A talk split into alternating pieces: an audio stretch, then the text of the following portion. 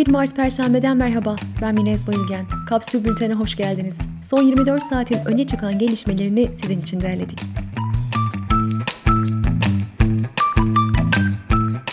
Diyanet'in eğitim yatırımları için aldığı 54.6 milyon liralık ödenek 119 üniversitenin yatırım bütçesini geride bıraktı. Sadece 5 üniversitenin aldığı ödenek Diyanet'i geçebildi. 2020'de 10.9 milyar liralık harcama yapan Diyanet'in 2021 bütçesi 12.9 milyar lira olarak belirlenmişti. Bu tutar İçişleri ve Dışişleri dahil 7 bakanlığın bütçesinden fazla. Diyanet müşaviri Ömer Aydın bütçe eleştirilerine şu sözlerle yanıt vermişti tamamına yakını personel giderleri harcamalarını içeren bir bütçe için bir bardak suda fırtınalar koparıyorlar.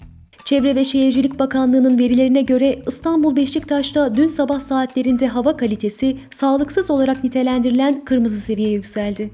Cumhurbaşkanı Erdoğan ve Rusya lideri Putin video konferans aracılığıyla Akkuyu nükleer santralindeki 3. reaktörün temelini attı.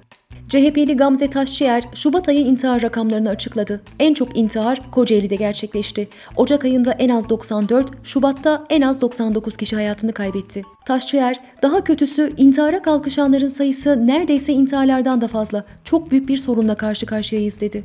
Şehirler arası otobüslerde %50 koltuk sınırlaması kaldırıldı. Otobüsler ruhsatlarında belirtilen kapasiteye göre yolcu olacak. Yolculuklar HES koduyla yapılacak. 65 yaş üstü yolcularsa HES koduna ek olarak seyahat izni belgesi alacak.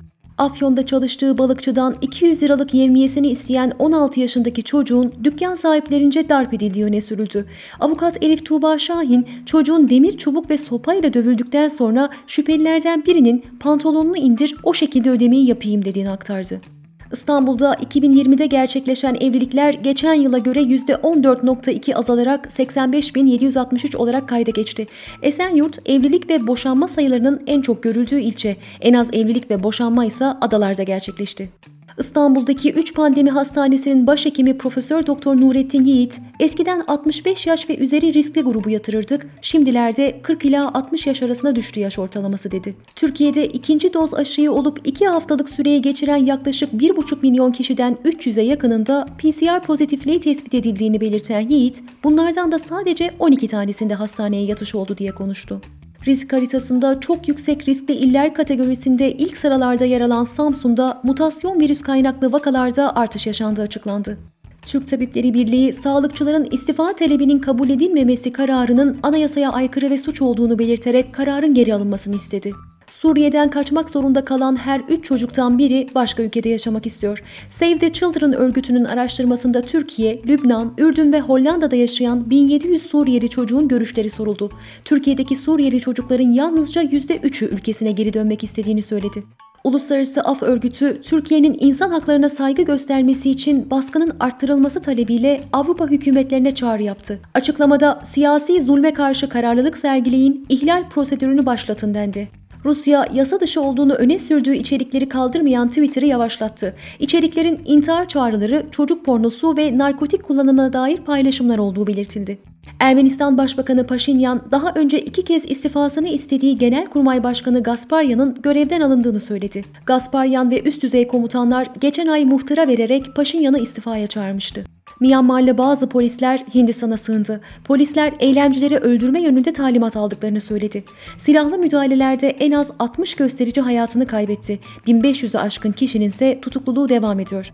Tayland Başbakanı Chan Ocha soruyu beğenmeyince gazetecilerin üzerine dezenfektan sıktı. Başbakan 2014'te gerçekleşen askeri darbeden beri iktidarda bulunuyor. Meksika'da son 6 ay içerisinde organize suç örgütleri 66 siyasetçiyi öldürdü. Ülkede 2006'dan beri toplam 192 belediye başkanı öldürüldü. TÜİK'in yeni yöntemle açıkladığı Ocak ayı işsizlik oranı %12.2, istihdam oranı %43.8 oldu. İş gücüne katılma oranı %49.9 olarak gerçekleşti. Genç nüfusta işsizlik oranı %24.7, istihdam oranı ise %30.1 oldu. Bakanlık yönetmeliğine göre iş ilişkisi uzaktan çalışma sözleşmesiyle kurulabilecek. Hali hazırdaki sözleşme anlaşmayla uzaktan çalışma sözleşmesine dönüştürülebilecek. Mal ve hizmet üretimi için gerekli malzemeyi işveren karşılayacak. CHP'nin 3 yıl önce meclise verdiği kanun teklifi dün görüşüldü. Esnafın kredi borcu faizlerinin silinmesi ve borçların yeniden yapılandırılmasını içeren teklif AKP ve MHP oylarıyla reddedildi. Goldman Sachs bu ay yapılacak para politikası kurulundan 100 bas puan faiz artırımı bekliyor. Günün sözüyle kapatıyoruz. Rahatsızlığı nedeniyle Rasim Öztekin'in cenaze törenine katılamayan Ferhan Şensoy'un mektubundan. Bir gün ben de uçup geleceğim gökyüzüne. Buluşuruz gökyüzünde, neşeli bir meyhanede. Kapsül'ün ev bültenlerine abone olmak için Kapsül.com.tr'yi ziyaret edebilirsiniz. Hoşçakalın.